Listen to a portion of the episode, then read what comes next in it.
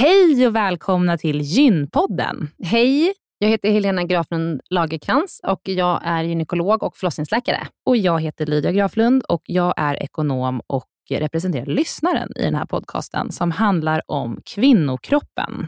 Det är vetenskaplig fakta om kvinnokroppen och det du hör i den här podden är det som man kan höra om man får träffa en läkare eller en barnmorska i ett eh, möte. Men ibland så bjuder vi in gäster som berättar om sina personliga erfarenheter och ibland är det också spekulation, men då är det verkligen tydligt att det är spekulation. Annars är grunden för den här podden vetenskaplig fakta om kvinnokroppen. Så är det. Hoppas att ni vill lyssna. Välkomna. Välkomna.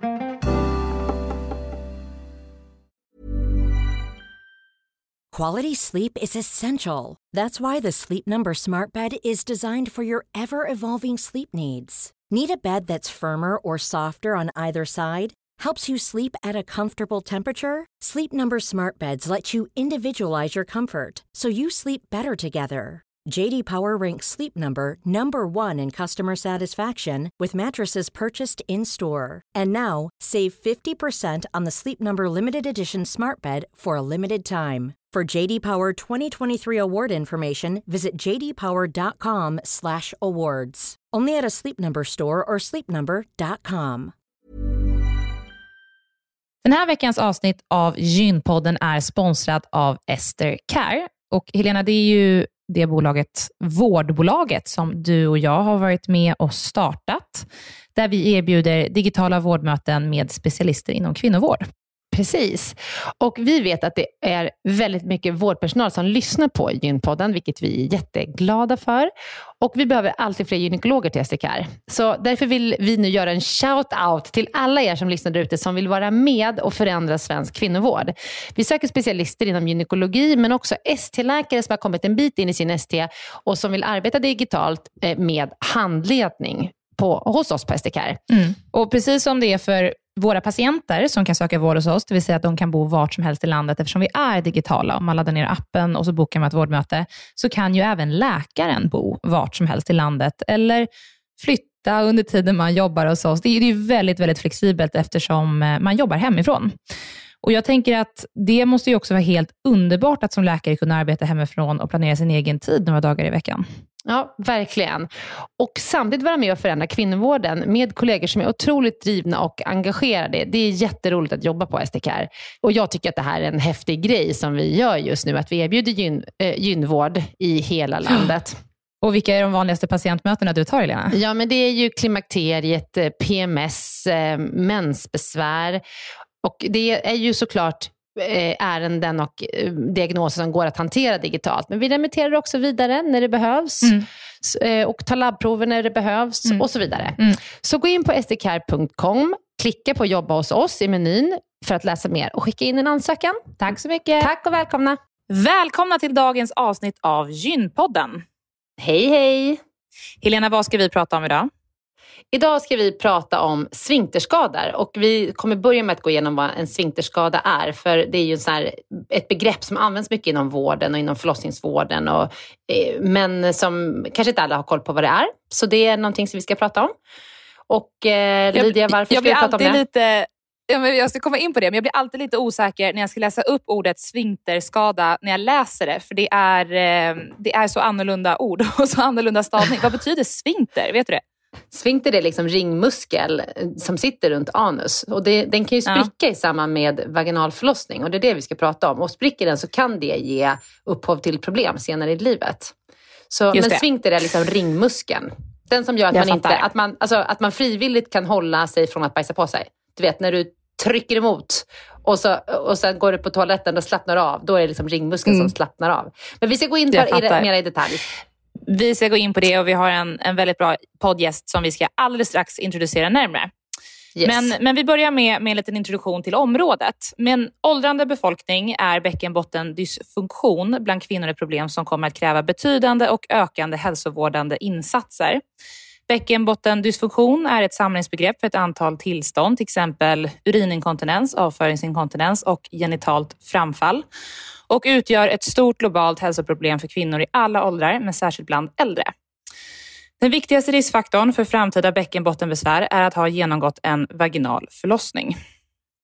Kvinnor lever idag ett yrkesaktivt liv under en lång period efter barnafödandet och många drabbade kvinnor riskerar därför allvarliga störningar socialt och i sin yrkesutövning. Mellan 10 till 20 procent av alla kvinnor i västvärlden genomgår en bäckenbottenoperation före 80 års ålder och efterfrågan ökar fortsatt.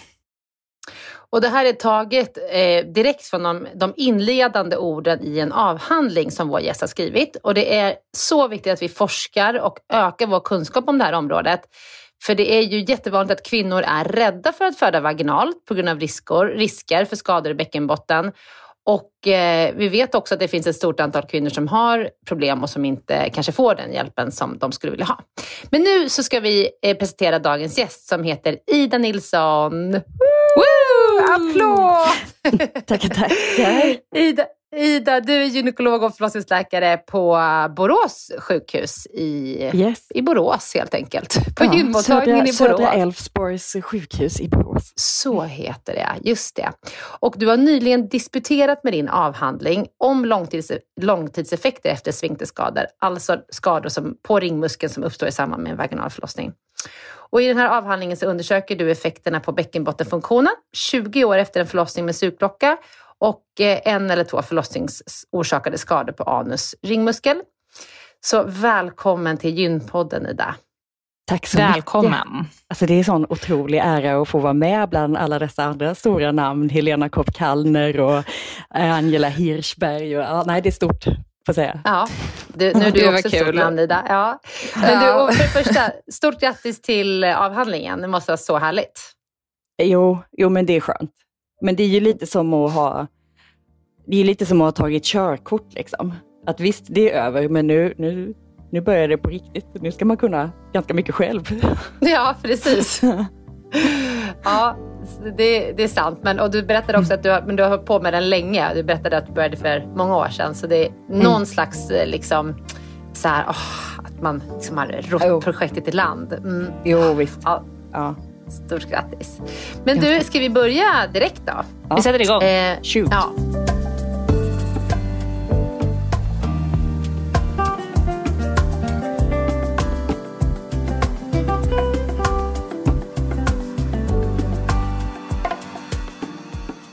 Vad är en sfinkterskada?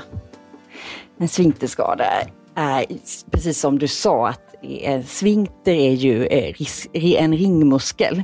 Vi har ju även en svinkter i ögat till exempel och den här svinkter Oddi, jag älskar det namnet, som sitter ju någonstans i gallvägarna. Ja, jag är gynekolog, inte kirurg. Men eh, även om det är en kirurgisk specialitet, det är ju många som inte vet det, att vi också skär i människor. Hur som helst, en sfinkterskada, men det, den är ju, den sitter då i, eh, precis i anus, alltså i ändtarmen.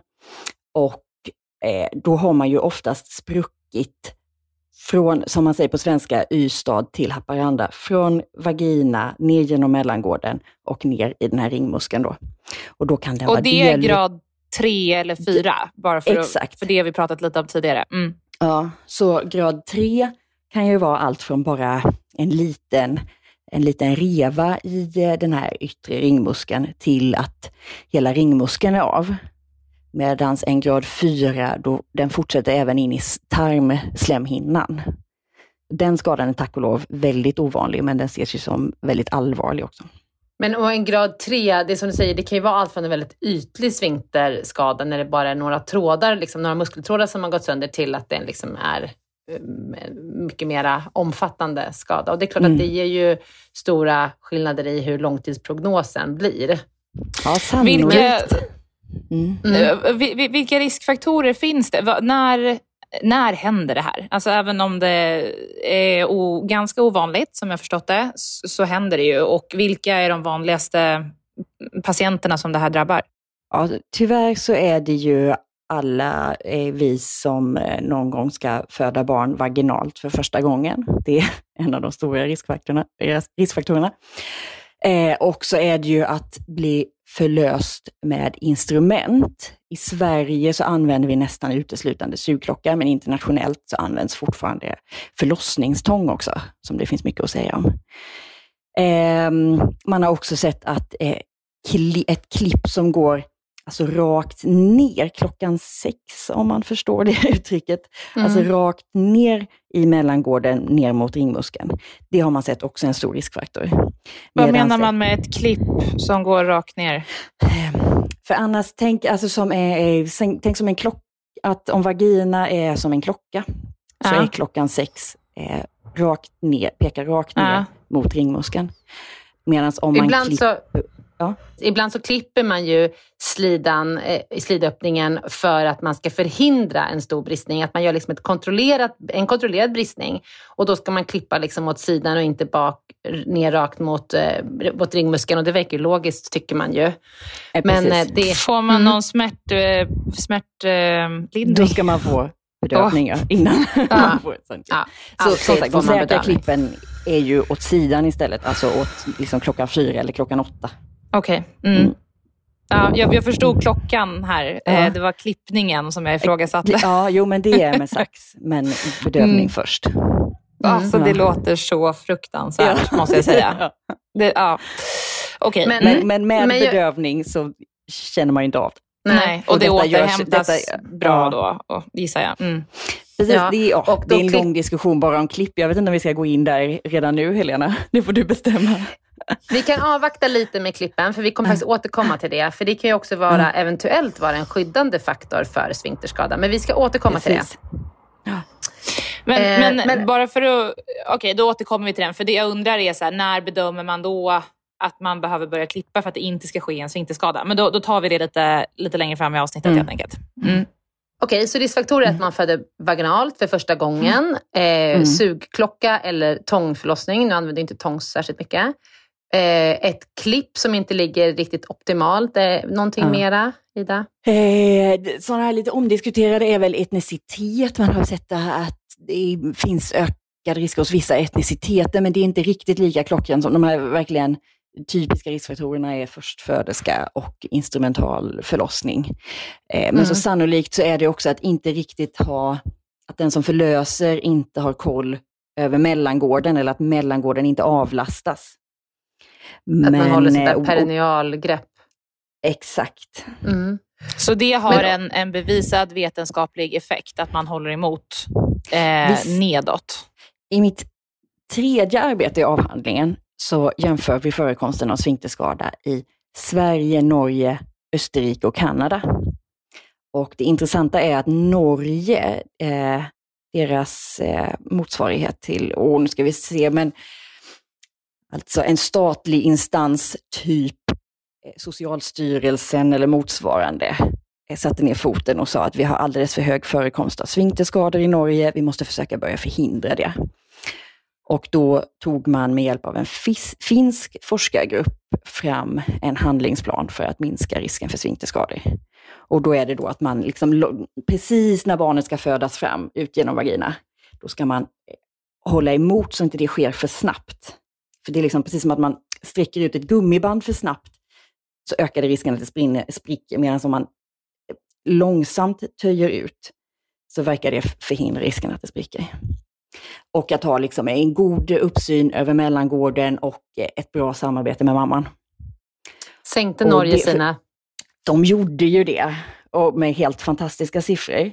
Så till exempel, om man snackar sugklocka då, så vid sugklockeförlossning hos förstföderskor så hade de tidigare ungefär fem, att 15 procent av alla de kvinnorna fick en sfinkterskada. Och det har de fått ner till 5 procent. Mm. Eh, och förekomsten bland de som bara födde vaginalt utan hjälp av instrument, så var det väl ungefär 5 procent och det har de halverat till dryga två, knappt två och en halv med Mm, det här programmet. Mm. Mm. Okej, men... Eh, Och då kan man säga, men Sverige, vi är fortfarande kvar på deras gamla siff- si- siffror. Eh, så vid sugklockeförlossningar har vi ungefär 12, alltså nationellt 12 procents förekomst av sfinkterskada. Och vid en Mm. vanlig vaginal en 4-5 procents risk för sfinkterskada. mm. Vilka förebyggande åtgärder finns för en sfinkterskada? Du menar för att, det, för att den inte ska uppkomma? Ja. Eh, Förutom då det här greppet som, som vi pratade om precis nu, här, här att man liksom håller emot. Ja. För det Norge införde var ju liksom ett paket, så att vi vet egentligen inte riktigt exakt vad det är, men i det här paketet så in, för långsamt framförande. framfödande, eh, jag tror också de flesta använder sådana här varma kompresser så att man ska få liksom värme mot mellangården, och som då teoretiskt ska öka genomblödningen och teoretiskt igen då öka cirkulationen. Eh, och de förordar också sådana här klipp som vi pratade om på indikation. Och det är ju lite luddigt, men man ser att förekomsten av klipp har ju ökat ändå under den här perioden också. Mm. Eh, och som sagt, att, kvinnan blir förlöst i en ställning där man har bra översikt över mellangården. Vilken det. ställning är det? Ja, det är ju dels i, ja, det är liggande på rygg eller på sidan, alltså sånt här huksittande och på pall. Det blir väldigt svårt för den som förlöser att ha, mm. ha koll på mellangården då. Så att man har bra eh, uppsyn, skulle, precis. Ja, nu ute på djupt vatten, men jag skulle tänka mig att knästående är okej okay, så länge som sagt den som förlöser, alltså barnmorskan eller läkaren, har, kan ha koll på mellangården.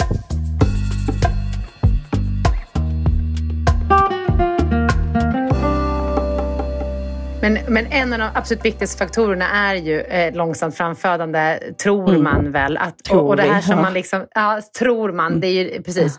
För det här som man ser liksom på filmer när det är bara så här, eh, alla bara push, push och ja. partner står och bara push honey. Alltså nej, nej, nej, nej. Det kan man göra en liten, ett tag. Men när bebisen väl ska ut, då är det bara flåsa, andas, mm. ta det lugnt. Detta är mm. självklart givet att barnet mår bra. Men mm. liksom, mm. man ska inte trycka ut barnet som en kanonkula. Liksom. Det har vi ju lärt oss. Det har, vi, har ju hänt mm. väldigt mycket de senaste, tycker jag, tio åren liksom, på hur vi förlöser, eller liksom, eh, hur vi pratar om själva det här sista utdrivningsskedet, liksom när barnet verkligen ska komma ut, att det ska, gå så superlångsamt. Jag tycker det har hänt mm. väldigt mycket på den fronten. Ja, enligt min eh, huvudhandledare Maria Gyhagen som har jobbat sedan 80-talet, hon upplever att det då på 80-talet så var det ju mer man ska säga, om man ska generalisera så var det mer så att, att barnmorskan var verkligen ansvarig för förlossningen och, och barnmorskan styrde och ställde och bestämde. Och då om det är en underrapportering eller en sanning är svårt att säga, men då var förekomsten av sfinkterskada lägre. Men som sagt, vi vet nu inte, att, var det för att vi missade en massa eller var det faktiskt för att man hade bättre koll på förlossningen. Men sen mm. under 90-talet så blev det en svängning att kvinnan skulle få mer, om säga, få mer att säga till om. Eh, hon skulle få bestämma mer över sin förlossning och då började sfinkterskadorna gå upp, men samtidigt så var det också för att de, de här skadorna fick mycket mer uppmärksamhet då och vi kanske blev bättre på att hitta dem. Och sen mm. då tidigt 2000-tal så började man ju se att nej men så här kan vi inte ha det. Nu börjar det bli alldeles för vanligt med sfinkterskador. Eh, ja, uppåt 7-8 procent i Sverige nationellt hos förstföderskor. Och då har man liksom försökt jobba fram en strategi för att minska dem. Som, mm. som sagt, Norge har varit väldigt framgångsrikt. Och den strategin, eh, tar du, tar du ehm, Pratar du någonting om det i din avhandling eller vad kommer du fram till i din avhandling som vi kan använda oss av i praktiken? Eh, I avhandlingen så tittar vi i första arbetet på hur liksom, sugerklockans inverkan på framtida bäckenbottenbesvär. Eh, och då ser vi att så länge det inte uppstår en sfinkterskada så ser vi faktiskt ingen skillnad på förekomsten i bäckenbottenbesvär. Alltså då har vi framförallt tittat på urininkontinens, avföringsinkontinens och framfall. Vi ser ingen skillnad så länge det inte har förekommit en, äh, en sfinkterskada. Men vid sfinkterskador, som då alltså är mycket vanligare vid sugklocka, då har man en ökad risk för avföringsinkontinens i framtiden. Och i första arbetet så tittar vi på barn som har fött bara ett barn No more no less, ett barn för ungefär 20 år sedan. Och då var det väl ungefär någonstans runt 28 procent som läckte avföring någon gång efter en sfinkterskada. Eh. Men nå, alltså en gång räknas man fortfarande in där då? Hur menar du då? Alltså, nej men så här, vid någon gång säger det så här, räcker det, alltså, mm. om en kvinna har haft liksom, avföringsinkontinens vid ett tillfälle, är hon då mm. liksom en pinne i statistiken eller ska det ske under Fråga, upprepade Frågan är ställd som så, läcker du avföring? Och sen så kan man svara ja eller nej, aldrig. Ja, mindre än en gång per månad, ja, en gång i månaden, men mindre än en gång i veckan och så vidare. Ja. Okay. Mm, mm. Ja. Medan då i, i mitt andra arbete så tittar vi på kvinnor som har fött eh, två barn. Och då tittar vi inte generellt, då tittar vi inte på sugklockor utan mer generellt om man har fött två barn och aldrig fått en sfinkterskada, fått en sfinkterskada eller sfinkterskada vid båda förlossningarna. Och då ser vi bland dem utan sfinkterskada så är det ändå omkring 12 procent som någon gång läcker avföring. Och då har det, kan man tänka sig att det har andra förklaringar, kanske att man har någon diarrésjukdom eller liknande. Men har man då fått, som sagt, då kan man säga att baseline är 12 procent, men har man fått en sfinkterskada så var det 24 procent som någon gång läckte avföring. Och efter två sfinkterskador 36 procent som någon gång läckte. Mm. Mm. Vad gör man åt en sfinkterskada? Eh, jag antar att man opererar direkt. Eh, och då syr man igen den här sfinkterskadan, ja. den här rupturen eller rupturen så kanske heter. I hela, så själva sfinkterkomplexet beror, eh, eller består av den yttre ringmuskeln som verkligen är som ett, ett gummiband. Och det är den som du styr själv, som Helena förklarade där i början. Och sen den inre som är lite, som är lite tunnare men längre och som man inte styr själv, inte viljemässigt, utan den styr kroppen. Mm. Och det är den som, när du börjar känna dig nödig, det är den som är ansvarig för det. Mm. Uh, men så man försöker helt enkelt adaptera kanterna på eh, den delen av sfinkten som är, är sönder. Uh, och det är lite olika, som sagt, det här med det här området, området behöver beforskas bättre, men eh, det finns inte så mycket studier på antibiotikaanvändning, men någon enstaka har visat att det minskar risken för att såret sen går upp, eller att, eh, ja, precis, att såret går upp, minskar risken mm. för att man får infektion. Så, man så att, man, att man ger antibiotika. antibiotika man ger antibiotika i samband med att man syr den och inte, ja. liksom inte en långtidskur? Nej. Nej, nej, precis. Och helst är det väl sagt två timmar innan, men det är också som sagt det är dåligt beforskat.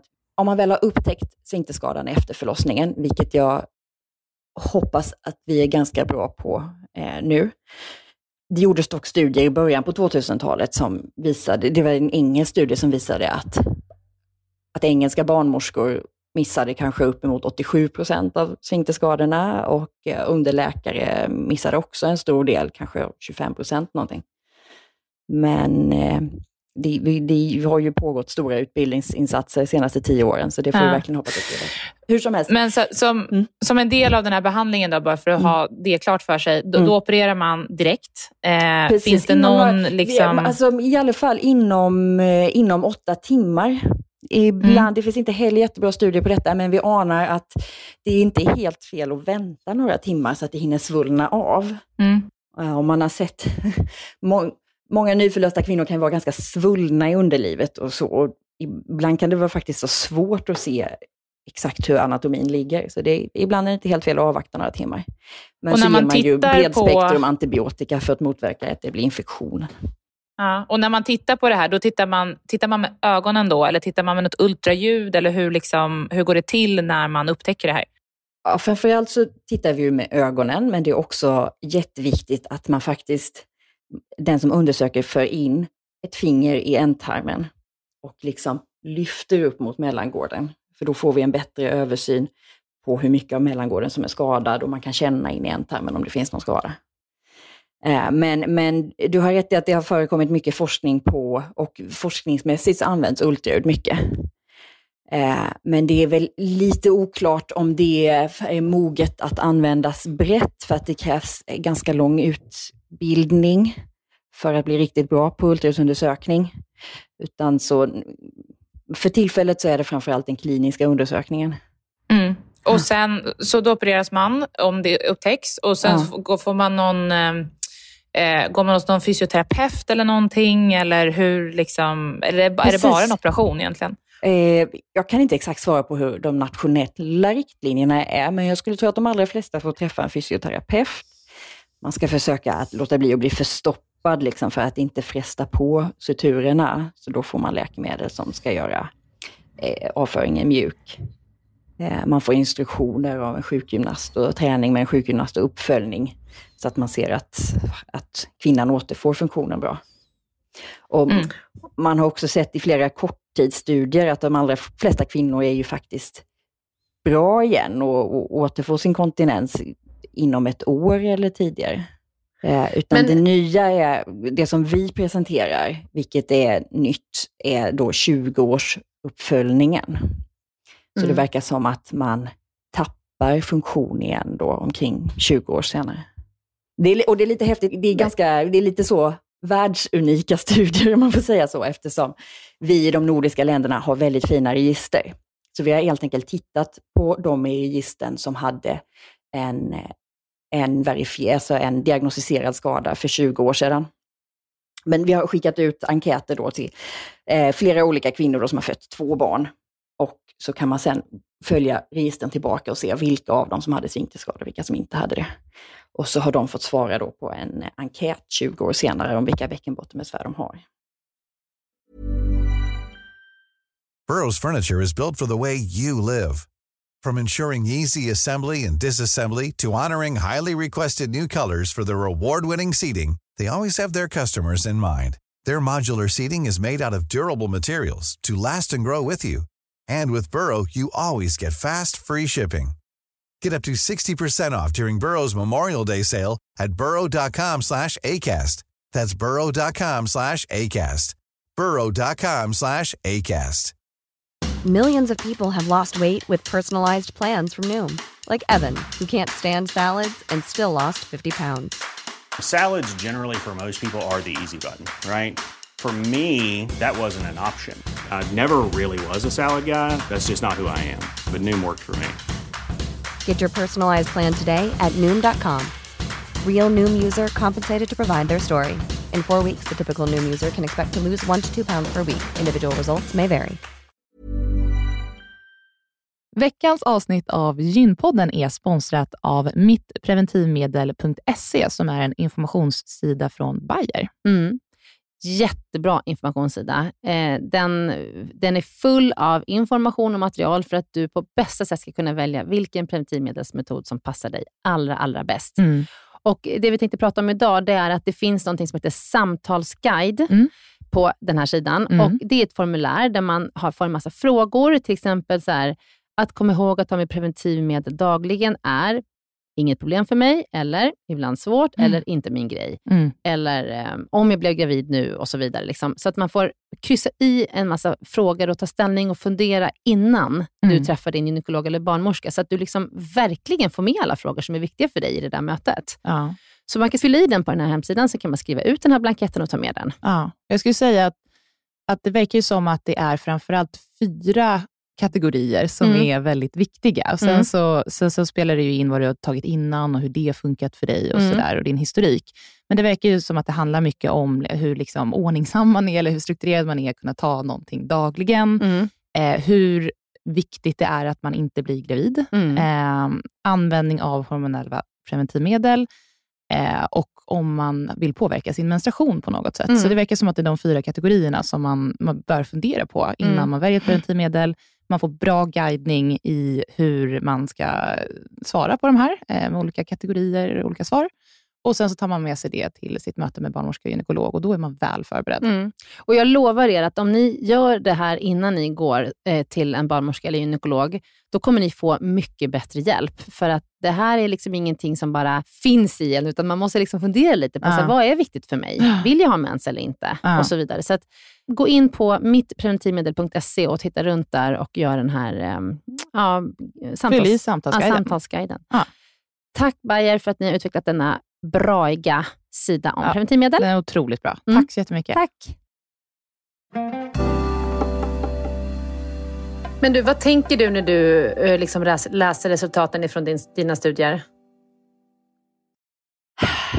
Ja, alltså vi, ble, vi blev nog ändå ganska förvånade att det verkar, det är ju sån, en sån exakt, det är verkligen en kumulativ ökning för varje svinterskada eh, som vi nog blev lite förvånade över. Och också när jag satt i skolbänken på läkarprogrammet 2013, eh, så minns jag så väl att man sa att ja, en, efter en svinterskada så vill man inte föda vaginalt igen så tvingar vi ju ingen, men sannolikt så sker den största skadan vid, eh, vid första skadan och att få en upprepad skada kanske inte bidrar så mycket. Det är ganska häftigt att sen tio år senare kunna säga att jo, det gör den visst. Mm. och, och jag tänker framförallt att det är väldigt viktigt för kvinnorna att, att veta det när man funderar över ett andra barn. Och också mm. veta det, för i, i min andra studie så undersöker vi också upprepande frekvensen och då ser vi att det är ungefär 10% som får en upprepad sfinkterskada efter man har haft det första gången. Har man du... inte haft sfinkterskada vid första förlossning så har man jättelåg risk nästa gång. Men du, mm. kan inte du upprepa igen, om man har haft en sfinkterskada eh, och 20 år senare, hur många hade besvär 20 år senare om man haft en sfinkterskada? 24 procent läcker någon gång avföring. Och efter två mm. sfinkterskador så är det 36 procent. Och då mm. var vi, som vi inte tittade på i den här i, i sugklockartikeln, eh, men som vi tittade på i fjärde artikeln var hur man påverkas. För det är ju en sak också, besvärad mm. man är. Och då kunde man se, av, bland de som inte fått någon sfinkterskada, så var det ja, ungefär 3% som hade besvärande avföringsläckage. Men det ökade till nästan 10% efter en sfinkterskada och 17% efter två sfinkterskador. Kan man, kan man göra någonting då? Alltså, kan man en, en, gör, opererar man en, en kvinna som har fått problem av en gammal sfinkterskada till exempel? Eh, man kan göra det och, och, det har väl gjorts ganska mycket och man ser att första månaderna så blir man bättre, men ofta så återkommer besvären tyvärr efter några år. Men, men har man den här typen av besvär så, så ska man alltid söka hjälp, för det finns ju andra saker än operation att göra. Till exempel, det, det värsta verkar ju vara att ha, ha lös avföring. För en skadad svinkel det verkar ha svårt att hålla emot det, men att se till att man har en hyfsat fast avföring. Eh, och som sagt, ändå alltid bli dömd av en kolorektal kirurg och se om de tycker att det finns något att operera. Eller... Och som sagt, man, kan också, man bör också få träffa en, de kallas nu för uroterapeut, men de ska väl kallas istället typ gastrouroterapeut eller något i den stilen, som kan ge en hjälp med att bara hantera sina besvär i vardagen. Har man stora besvär i läckage så kan man få som liksom, anala tamponger som håller emot finns ju lite sådana mm. tips och tricks. Mm. Så man ska absolut inte sitta hemma och lida, utan eh, sök hjälp. För det, det finns mm. saker att göra. Ja. Mm. Mm. ja. absolut. Alla måste få en bedömning som har mm. besvär. Men du, tycker du att det är rimligt att vi fortfarande förlöser kvinnor med sugklocka efter att du har gjort den här studien och tittat på de här resultaten? Ja, eh, precis. Det är en rolig fråga. För det, jag, jag, vet inte ens om jag har fått den frågan innan, för att inom förlossningsvården så är det så själv, den har en så självklar, självklar plats. Men jag kan tycka att så länge vi verkligen jobbar med att förhindra dem så att vi kan komma ner till Norges nivåer. Eh, men, men det är ju det att, som sagt, information till kvinnor. Jag tror att kvinnor är väldigt beslutskompetenta själv. Mm, och också, för att vi lägger, vi lägger ju också sugklockan vid speciella situationer och det är liksom när det anses vara det säkraste sättet att få ut barnet, liksom, vad ska man säga, nerifrån via vagina och inte via kejsarsnitt. Och då står huvudet så pass långt ner i kanalen att även ett kejsarsnitt eh, kan ju vara ganska farligt och riskfyllt. Mm. Eh, men vi menar ju att kvinnor som vi är ganska provocerande för viss annan förlossningspersonal, att kvinnor, kanske inte under själva förlossningen, men liksom under eh, graviditeten ändå bör få information om riskerna och att man ändå ska ha chans att säga nej till sugklockan. Mm. Om, om mm. det inte är så att det är, alltså mm. ibland är det ju så bråttom att man verkligen, verkligen måste få ut barnet. Ja, och det, och det lämpar sig med en sugklocka. Ja, Men det tror jag de man... flesta mammor tycker är ändå en, en rimlig risk att ta. Då, mm. Om det är de situationerna. De är inte så vanliga. Nej, nej, precis. De är väldigt ovanliga. Och som sagt, ett kejsarsnitt är kejsarsnitt är också en stor bukoperation och, och, det går jättebra att få barn det hållet, men man kan ju kanske inte skaffa så väldigt många barn då, för flera antal kejsarsnitt eh, liksom ökar risken för andra följder. Mm.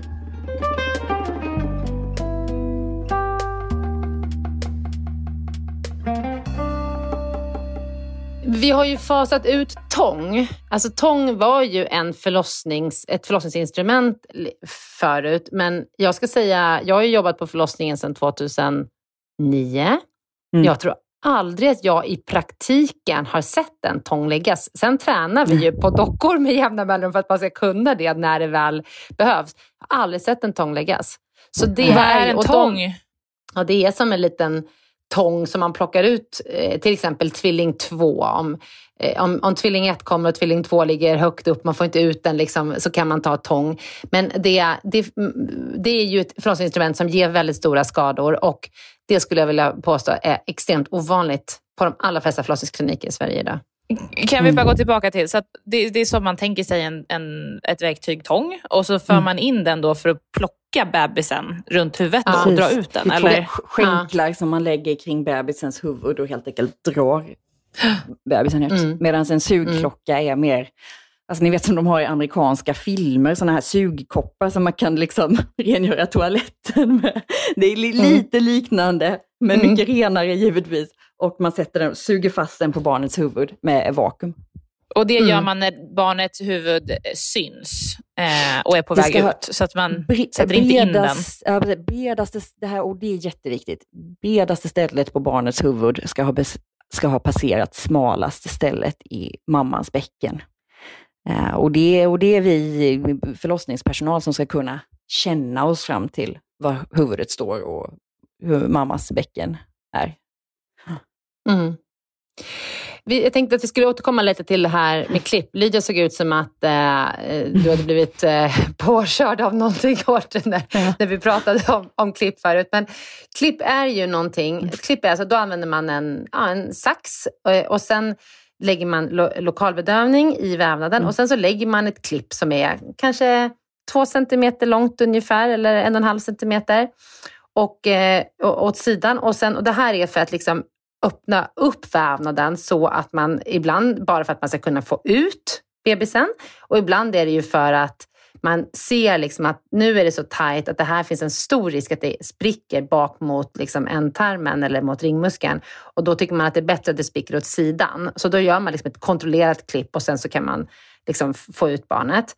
Men då har vi eh, de senaste åren inom förlossningsvården så det har ju pågått en jättestor studie som heter EVA-studien eh, där man tittar på att ehm, lägga de här klippen klippen och sen förlösa med sugklocka eller inte lägga klipp och, och förlösa med sugklocka och se liksom, när får man minst besvär. Och det här ska bli jättespännande för det, har ju, det, det här med klipp görs ju lite så här, det görs ju på liksom beprövad erfarenhet och lite känsla men det är ingen som riktigt mm. vet, liksom, får man mest besvär av ett klipp eller hur mm. ofta spricker det om man lägger klipp i, i, eller, när, eller om man inte lägger klipp. Men mm. de här resultaten håller på att analyseras nu och mm. kommer vara klara efter, efter sommaren och då kommer vi få svar på Liksom, hur, finns det någonting mer vi kan göra för att underlätta och förebygga sfinkterskador mm. mm. i samband med sugklocka? Och det tror jag liksom kommer vara väldigt användbart för oss som jobbar på förlossningen. Att mm. ha, ha liksom någonting så som vi kan förhålla oss till. Mm. Alltså sådana här, det heter ju, det som görs nu hos er i framförallt Danderyd, eh, kallas ju en randomiserad kontrollerad studie.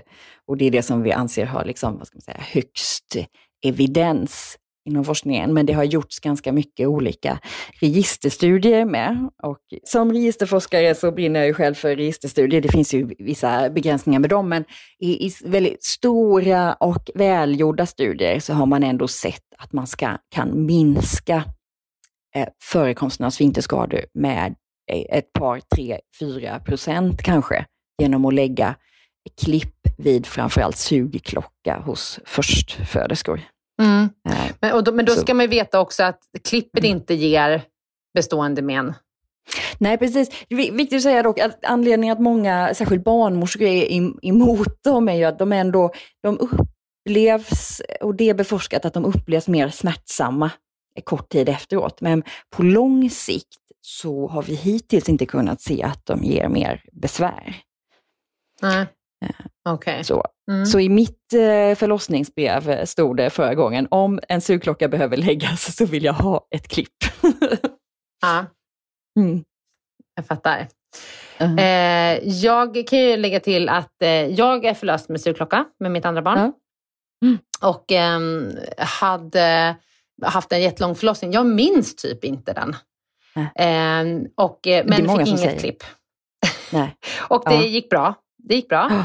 Men eh, det, det, liksom, eh, det här med sugklocka är ju otroligt omdiskuterat och många kvinnor är mm. rädda för den. Och liksom, men jag håller med dig om att på rätt patient och vid rätt läge och att man liksom verkligen värnar och tar det lugnt förutsatt att bebisen mår bra. Liksom att man då kan lägga en kontrollerad sugklocka men att man, mm. kvinnan ska vara informerad och få, är det mm. inte bråttom tycker jag också att hon ska få frågan, liksom, går det är det bra, går det bra för dig att vi försöker lägga den här sugklockan? Mm. Att och man absolut nej, inte får lägga den på någon som skriker nej, nej, nej. Det får nej, vi verkligen precis. inte göra. Nej. Men lägger man den, man, det låter lite som på er att man lägger den om det verkligen behövs. Att Precis, man alltså undviker och det är viktigt den, att veta också att det är när man, när man bedömer att det är snabbaste och säkraste sättet att få ut barnet på. Mm. Precis. Eh, och vi lägger ju mm. den aldrig för att vi, att vi vill att det ska gå fortare, vi behöver förlossningsrummet Nej. eller jag skulle, behöva, eh, gå, jag skulle behöva gå på paus, kan vi bara få ut den här bebisen? Liksom. Utan sugklocka används i väldigt, väldigt liksom, specifika situationer. Men går, går sugklockeanvändningen ner i Sverige? Vet du det Ida? Mm, eh, oh, vilken bra fråga. Jag tror snarare kanske att det till och med går upp lite. Okej. Okay. Mm. Eh, jag tror att vi på Danderyd har minskat vår användning. Okay. Mm. Av det, utan att veta mm. några siffror. Men liksom jag, fick, jag, har en mm. uppfattning om det. Men mm. okej, okay, men du vet inga siffror på det i alla fall? Nej, då, Nej. då är det spekulation. Jag kan, mm. jag kan, dock säga att, på tal om det här med sfinkterskada och sugklocka, att vi hade det här finska gänget, eh, ett par som heter Pirronen, en läkare och en barnmorska som har åkt runt i Norge och utbildat dem. De var hos oss i Borås också innan de var hos oss, nu ska vi se, jag ska hålla tungan rätt emot, jag tror vi hade någon sån katastrofal siffra som 16 procent sfinkterskada vid sugklockeförlossning. Men mm. som vi fick ner till ja, kanske omkring 7 procent med mm. de här handgreppen. Då vet vi ju inte, för de, de ändå förordade väldigt starkt i klipp hos förstföderska, förstföderska. Men det är ju svårt att veta när man liksom sätter in ett sånt här kallas bundle of care, när det är flera olika saker som man lägger till. Är det för att jag helt, mm. tidigare så kunde jag låta barnmorskan hålla det här som vi kallar perinealskydd, också i media kallat finska greppet, alltså det här att man försöker, man försöker trycka barnets huvud uppåt mot mammans mage för att avlasta mellangården. Tidigare så kunde jag be en barnmorska göra det medan jag själv liksom hanterade sugklockan. Men e, efter deras utbildning så har jag förstått att det är väldigt viktigt att jag som förlöser som också håller skyddet. Eh, är det mm. det eller är det klippen eller är det att man är mer medveten mm. eh, om hur viktigt det är att ta mm. det lugnt? Ja, mm. superintressant Ida. Tusen mm. tack att du har varit med och berättat om det här och vad din forskning har liksom påvisat och mm, tagit siffror liksom på det. Det är svart på vitt. Ja, Lydia, vad känner du? Alltså när det här avsnittet släpps så, eh, så kan jag ju ha fått mitt barn, men just nu har jag inte det och eh, det känns ju sådär att gå igenom en vaginal förlossning. Det, så är det ju. Men, men som mm, sagt, det tycker med, jag. Med en, en van förlösare som är noggrann med att hålla ett, ett eh, vad heter det, sånt mellangårdsskydd Mm. Som sagt, inför min förra förlossning, det var en, en planerad vaginalförlossning och blev ändå ett akut kejsarsnitt. Och då, satt jag, då hade jag tagit forskningsledigt ungefär fyra veckor inför förlossningen och det enda jag satt och läste om var sfinkterskador. Vad sa det enda du... Det enda jag satt och läste om då var ju sfinkterskador fyra veckor innan min egen förlossning. Oj, ja, då var du inte Men jag, så, jag, jag, så sugen jag på det. Jag har ju fördelen med att och känn, då, då åkte jag faktiskt till mitt eget sjukhus just för att jag ville känna personalen och mm. litade blint mm. på dem. Mm. mm. Ja, tack snälla Ida, mm. jätteviktigt och tack för att du har eh, gästat oss och berättat om det här. Tack, tack så jättemycket. På Kul att vara med. återseende. Ja, gärna. Ja, bra. Tack ha det bra nu. Hej då.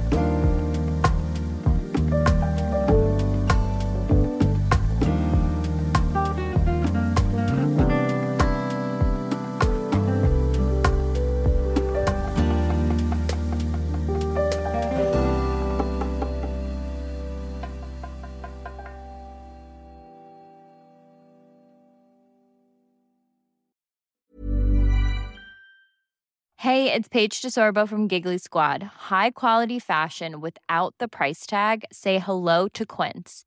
I'm snagging high-end essentials like cozy cashmere sweaters, sleek leather jackets, fine jewelry, and so much more. With Quince being 50 to 80% less than similar brands. And they partner with factories that prioritize safe, ethical, and responsible manufacturing. I love that. Luxury quality within reach. Go to quince.com slash style to get free shipping and 365 day returns on your next order.